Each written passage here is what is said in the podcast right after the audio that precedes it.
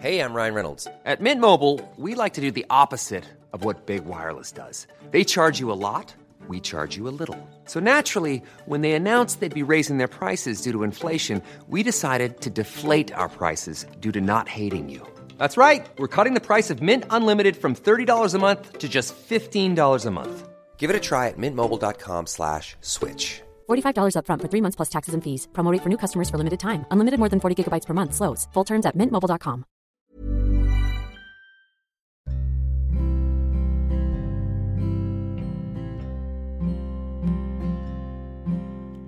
Hai, selamat datang di podcast Love Lavina. Di sini, aku akan berbagi pikiran, tips, dan cerita aku untuk nemenin kamu. Sebelum mulai, aku mau ngasih tahu kalau podcast ini dibuat dengan aplikasi Anchor.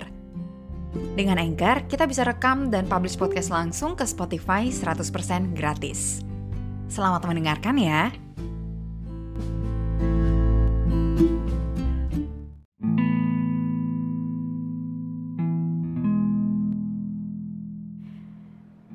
Kadang, kalau aku dapat komentar negatif, malamnya aku akan coba memproses apa yang dibilang. Aku pikirin, apa benar yang dibilang? Aku juga mikirin, kenapa orang bisa ngomong kayak gitu? Dan biasanya aku akan ngobrolin ini sama Daniel. Baru-baru ini aku sama Daniel ngobrolin tentang kenapa ada temen yang kayaknya nggak seneng ngelihat kita maju. Jadi di episode kali ini aku akan coba membahas di beberapa situasi kenapa orang ngasih komentar negatif ke kita dan bagaimana selama ini cara aku menanggapinya. Komentar negatif ini bisa kita dapetin langsung atau juga bisa di internet. Kita coba bahas satu persatu dari di internet dulu. Kalau di internet tuh ya, kamu bisa ngelakuin apa aja, bikin postingan apa aja, ngelakuin hal sebaik apa pun, dan tetap dapat komentar negatif. Mengherankan emang. Contoh ya, waktu aku bikin konten cerita resign. Aku sangat yakin aku nggak menyakiti siapa pun, aku nggak menghina apa pun, tapi ketika aku baca komen-komennya, ada aja komentar-komentar negatif yang bikin aku senyum dan bilang lucu. Contoh ada yang komen berisik, bacot. Aku tuh jadi mikir, wah internet tuh emang ajaib sih. Karena orang gampang banget kan ya bersembunyi di balik handphonenya. Ya mungkin kalau orang itu dihadapkan langsung nih dengan orang yang dia komentarin, dia nggak bakal berani komen apa pun Alasan kenapa orang kayak gini menurutku simpel aja sih. Nggak ada kerjaan. Hidupnya kurang menyenangkan. Karena aku yakin orang-orang yang happy, yang ngerasa konten sama hidupnya, nggak akan ngerasa punya waktu buat ninggalin komen-komen negatif di internet. Gimana cara aku menanggapinya? Menurutku cara terbaik menanggapi komentar negatif di internet adalah gak usah direspon, dibiarin aja. Beberapa kali aku malah ngeliat orang kayak berdebat di kolom komen um, video yang aku post dan aku cuma liatin aja. I don't feel the need to explain myself. Apalagi kalau cuma satu dua orang yang komen aneh-aneh. They don't worth my time dan seringnya tuh emang komen negatif tuh cuma sedikit dibandingkan komen yang positif. Tapi entah kenapa kita tuh kayak fokus banget sama yang negatifnya. Kalau udah kayak gitu tuh, aku suka ingetin diri aku sendiri, oke, okay, jadi mau gimana? Mau dengerin satu orang ini yang komentar negatif atau mau dengerin puluhan atau bahkan mungkin ratusan orang yang pernah ngasih komentar positif, yang pernah kirim DM ngasih semangat ke aku, yang ngasih tahu konten aku bermanfaat, mau dengerin yang mana? Gitu aja. Pernah ya dulu waktu aku awal-awal bikin konten, aku lupa si orang ini komen apa di TikTok waktu itu tapi aku tuh emosi banget dan aku langsung bikin video untuk respon komen itu.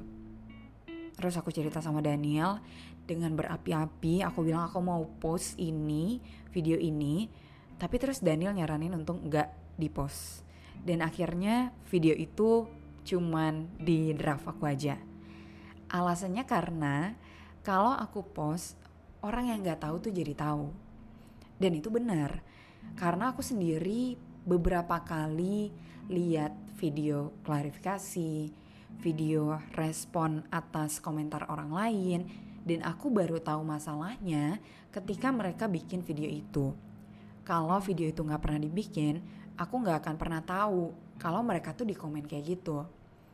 Kadang kita aja yang panik gitu ya, ngerasa semua orang pasti ngecekin satu persatu postingan kita di sosmed dan ngecekin semua isi-isi komentarnya. Jadi kita ngerasa kalau ada satu aja komen yang negatif, kita harus respon, harus jelasin. Padahal ya udah, tinggal diabaikan aja. Kalau kamu mau hapus komentar itu, ya juga nggak apa-apa. Contoh kayak NGL yang kita bisa kirim pesan anonim. Beberapa kali aku share link NGL aku itu dan aku dapat pertanyaan yang sangat personal. Menurutku itu nggak seharusnya ditanyakan. Atau ada juga yang intinya komentarin hidup aku lah. Apa yang aku lakuin? I simply do not respond. Bye bye. Kalau di internet, cara aku menanggapi ya seperti itu. Semoga bisa terus seperti itu ya, dan gak gampang tergoda untuk merespon komen-komen yang sering kali gak penting. Oke, kita lanjut ke komentar negatif di dunia nyata. Ini lebih sulit emang menghadapinya, pasti. Kita gak bisa hapus komentar itu karena itu langsung diungkapin ke depan muka kita tapi cara menanggapinya sebenarnya sama aja. Tanggapin seadanya aja kalau aku. Iya-iyain aja. Kadang tuh orang bilang sesuatu ke kita asal nyeletuk aja terus kita kepikirannya sampai berhari-hari. Padahal nih orang mikirin hidup kita banget juga enggak. Yakin banget aku tuh, semua orang sibuk mikirin hidupnya masing-masing. Jangan sampai ya, kamu takut ngelakuin sesuatu karena takut sama komentar orang lain. Ketika kamu mau memutuskan sesuatu, yang harus jadi pertimbangan adalah apakah kamu nyaman dengan itu, apakah kamu akan happy dengan keputusan itu. Jangan memasukkan kira-kira orang bakal bilang apa ya ke dalam pertimbangan kamu. Ingat, gak semua orang di hidup ini penting gak semuanya harus didengerin. Kayaknya kita cuma perlu dengerin omongan orang yang ngasih duit ke kita dan keluarga kita aja. Kalau ngasih duit juga enggak, keluarga juga bukan, enggak deket-deket banget, tapi ngasih komentar ini itu ke hidup kita. Aduh, ngapain didengerin? Oke, tapi terkadang akan menyakitkan nih kalau yang komentar negatif itu adalah teman kita. Aku pernah dengar cerita sih. Jadi sebut aja si A, cowok. Dia cukup terkenal dan berprestasi di salah satu bidang olahraga. Tapi teman-temannya itu banyak yang enggak menunjukkan apresiasi ke dia. Yang ngasih apresiasi malah kebanyakan orang-orang yang baru mengenal si A ini. Dan kalau lagi ngebahas si A, teman-temannya tuh suka bilang kayak dulu tuh dia nggak sejago itu tahu. Padahal si B, si C dulu waktu sekolah lebih jago dari dia. Nah waktu dengar cerita ini, aku ngerasa bisa relate. Karena ada temen aku nih, ini aku yakin dia nggak dengerin sih. Jadi nggak apa-apa lah ya, aku ceritain di sini. Ada temennya yang bilang ke dia kalau si temennya ini um, dengerin podcast aku, suka sama konten-konten aku di TikTok. Nah, si temen aku ini bilang ke aku, dan waktu dia ceritain ini, dia sambil ketawa-ketawa. Dan dia bilang, aduh gak tahu aja Vina aslinya gimana. Vina yang suka mengeluh. Um, aku jujur waktu itu gak tahu harus nanggepin gimana. Jadi aku cuman ikutan ketawa-ketawa aja. Tapi terus malamnya aku mikirin, oke, okay, berarti dia menganggap aku fake. Yang aku bilang di internet itu hanya mengarang bebas. Padahal sebenarnya dia tinggal mikir, gini gak sih? Oh, Vina udah berubah, dia udah bertumbuh. Mungkin iya, aku dulunya gak seperti ini. Dulunya suka mengeluh. Tapi itu kapan? Kayaknya udah bertahun-tahun lalu. Dan ini yang terkadang sulit buat teman-teman kita terima. Kalau kita udah berubah. Bagi mereka, mereka hanya punya versi diri kita di masa lalu. Versi Vina di masa sekolah atau di masa kuliah. Jadi sekarang ketika ngelihat, loh Vina kok udah lebih bijak, udah lebih positif melihat kehidupan. Bukannya mikir kita udah berubah, malah mikir kita tuh fake. Orang dalam sebulan aja bisa berubah ya, apalagi udah beberapa tahun. Ada banyak pengalaman yang udah dilewatin, udah dapat insight baru, perspektif baru yang ngebuat orang tuh bisa berubah. Dan terkadang ada bagian dari diri teman kita yang gak rela kalau kita udah bertumbuh lebih jauh dari mereka.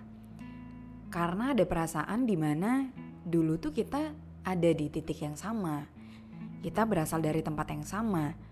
Tapi kok sekarang ada yang lebih maju dan ada yang tertinggal. Mungkin aku emang gak bisa ngasih tahu gimana cara nanggepin yang slay banget. Tapi aku rasa penting untuk kita mengerti kenapa ada temen yang ngasih komentar negatif. Jadi kita bisa kayak Oh, ya udahlah ya.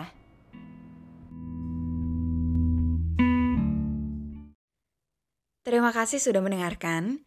Jangan lupa follow podcast Love Lavina di Spotify dan nyalain lonceng notifikasinya. Biar kamu tahu kalau aku udah upload episode terbaru. Kita ketemu lagi di episode selanjutnya. With Love, Lavina. Imagine the softest sheets you've ever felt. Now imagine them getting even softer over time. That's what you'll feel with Bowl and Branch's organic cotton sheets. In a recent customer survey, 96% replied that Bowl and Branch sheets get softer with every wash. Start getting your best night's sleep in these sheets that get softer and softer for years to come. Try their sheets with a 30-night guarantee. Plus, get 15% off your first order at bowlandbranch.com. Code BUTTERY. Exclusions apply. See site for details.